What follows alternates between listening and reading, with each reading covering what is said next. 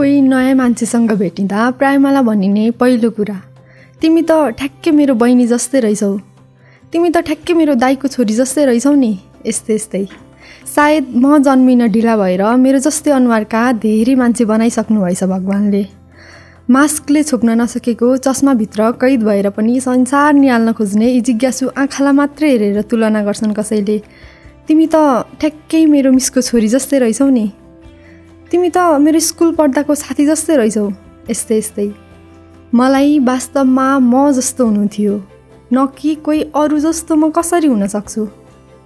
जिन्दगीले भेटाएका धेरै पात्रहरूमध्ये ऊ मात्र एउटा यस्तो पात्र थियो जसले मलाई मात्र म जस्तो देख्थ्यो। उसको लागि म म नै थिएँ। त्यसैले मलाई ऊ खास लाग्थ्यो।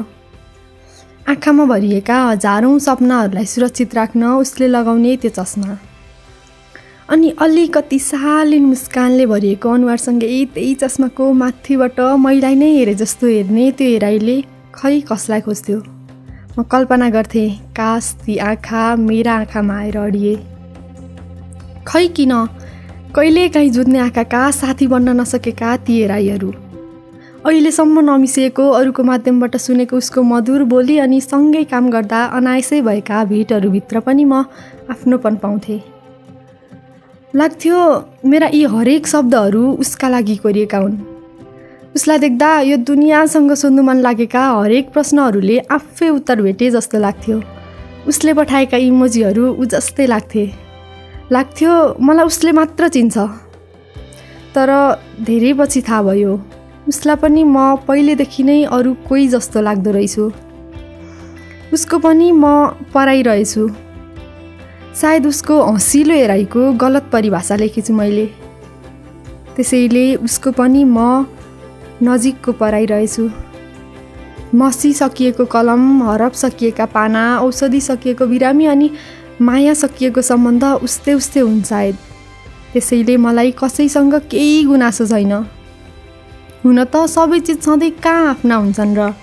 घाम पनि आफ्नो जस्तो लाग्ने जाडोमा मात्र न हो यी ओठलाई मुस्कानले भुल्न सक्ला कथालाई पात्रहरूले भुल्न सक्लान् कलमलाई शब्दहरूले भुल्न सक्ला तर आँखालाई आँसुले कसरी भुल्न सक्छ र? हुन त बाहिरबाट देख्नेले सुखै सुख देख्छ सुकिला लुगा देख्छ हँसिलो मुहार देख्छ। तर साथी सबै आँसु कहाँ खुसी हुन्छन् र? सोचे विश्वास पनि कसको गर्नु यहाँ? जब कि कसम आफैमा झुटो भइसक्यो। त्यसैले त्यस दिनदेखि मोबाइलमा मात्र सल बलाउन मन पराउने यी चिसा हातहरूले उसलाई भन्दा बढी कलमलाई सम्झिन्छन्। मेरा यी शब्दहरू कसैका लागि लेखिन्नन्? मात्र म आफ्नो लागि मेरो यो कलमको मसीले कापीको मनसम्म पोखिने कष्ट गर्छन्। बिर्सिदिएँ मैले म्यासेन्जर वाट्सएपका ती नोटिफिकेसन्स। चाहिँदैन मलाई फेसबुकको आर्टिफिसियल विसेस छाडिदिएँ मैले कोही अरूका लागि गीतहरू गुनगुनाउन। आउँदैन मलाई कसैका लागि कविता रच्न। बिर्सिएँ मैले कोही अरूलाई सम्झिन। आजभोलि हरेक सुनसान अधेरी रातमा मेरो यो कलम शब्दहरूको टुकी बाल्दै कापीका हरफहरूको साँगुरो गल्लीहरूमा एक्लै मलाई खोज्न दौडिरहेछ। एक दिन यही मसीले म भित्रको मसिनो मलाई मलजल गर्नेछ। अनि सबैले मलाई हेर्दा मनै देख्नेछन्। सबैले मलाई मनै भन्नेछन्।